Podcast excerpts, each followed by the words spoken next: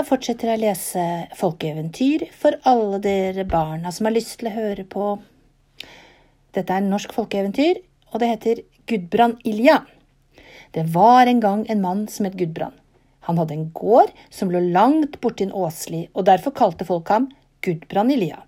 Han og kona hans levde så godt sammen og var vel forlikte.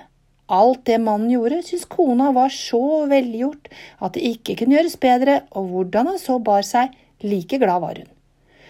De eide jordveien sin, hundre daler hadde de i kistebunnen, og i fjøset sto to feite kuer. Men en dag sa kjerringa, jeg syns vi skulle ta den ene kua til byen og selge henne, jeg. Vi er så bra folk at vi godt kan ha noen skillinger mellom hendene som andre. De hundre dalene på kistebunnen kan vi ikke ta hull på, men vi trenger ikke mer enn én ku. Ja, Gudbrand syntes det var vel talt. Han tok kua og dro til byen for å selge den. Men da han kom til byen, ville ingen kjøpe kua. Ja ja, tenkte Gudbrand, jeg får ta kua med hjem igjen. Bås og klave har jeg, og att og fram er like langt. Så ruslet han hjemover med kua. Da han hadde gått et stykke, møtte han en mann som skulle selge en hest. Gudbrand syntes det kunne være greit med en hest, og han byttet bort kua med hesten. Da han hadde gått et stykke til, møtte han en mann som drev en feit gris foran seg. Gudbrand syntes eh, det var bedre med gris enn med hest, og byttet med mannen. Et stykke lenger på veien traff han en mann som kom drivende med en geit. Gudbrand syntes det kunne være godt å ha geit, og byttet bort grisen med geita. En stund etter kom en eh, mann med en sau gående langs veien og Gudbrand syntes det var bedre å ha sau enn geit, og byttet bort geita med sauen. Da han gått en stund igjen, møtte han en mann med en fin gås. Gudbrand fikk, Gudbrand fikk lyst på gåsa, og så byttet han sauen med gåsa. Jeg syns kanskje han er litt dum, ja. Hva syns dere, unger? Da hadde han gått et langt, langt stykke, møtte han en mann med en hane. Det er bedre å ha hane enn gås, tenkte Gudbrand, og så byttet han gåsa med hanen. Så gikk han til det le langt utpå dagen, og han ble både sulten og tørst. Da solgte han hanen for tolv skilling og kjøpte seg mat. For det er bedre å berge livet enn å ha en hane, tenkte Gudbrand.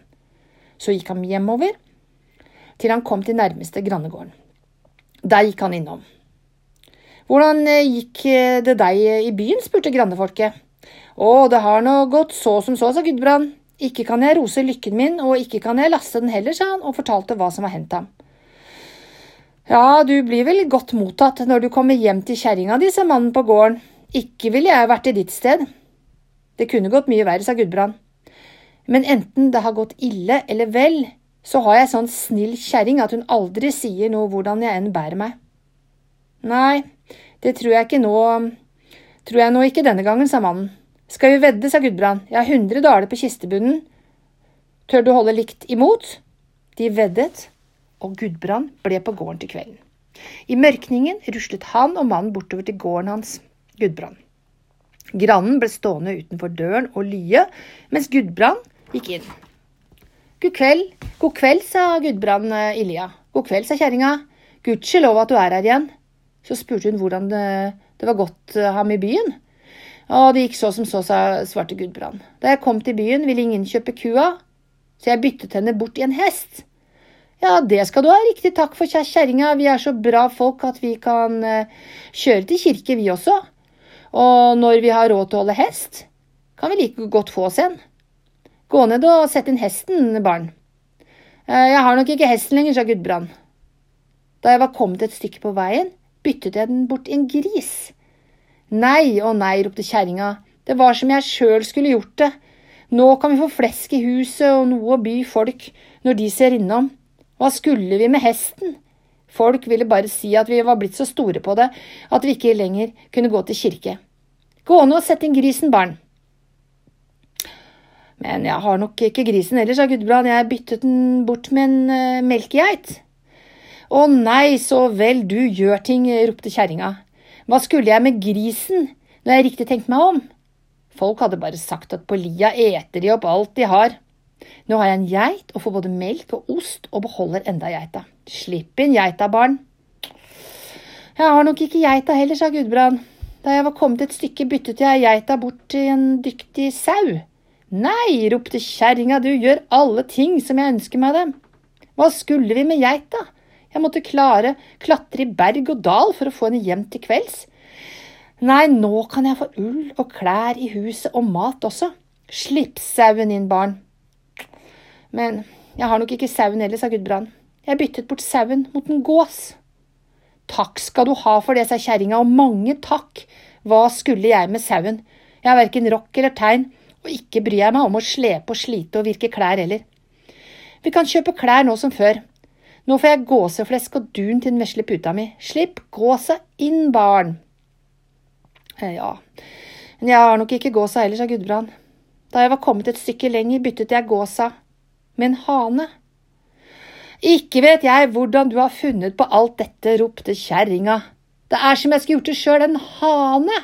Det er som du skulle kjøpt en vekkerklokke, for hver morgen klokka fire galer hanen, så vi kan komme oss opp i rett tid. Hva skulle vi vel med den gåsa?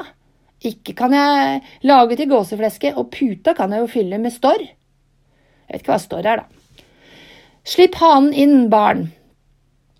Men jeg har nok ikke hanen heller, jeg, sa Gudbrand. Da jeg hadde gått eh, enda et stykke, ble jeg skrubbsulten og solgte hanen for tolv skilling for å berge livet.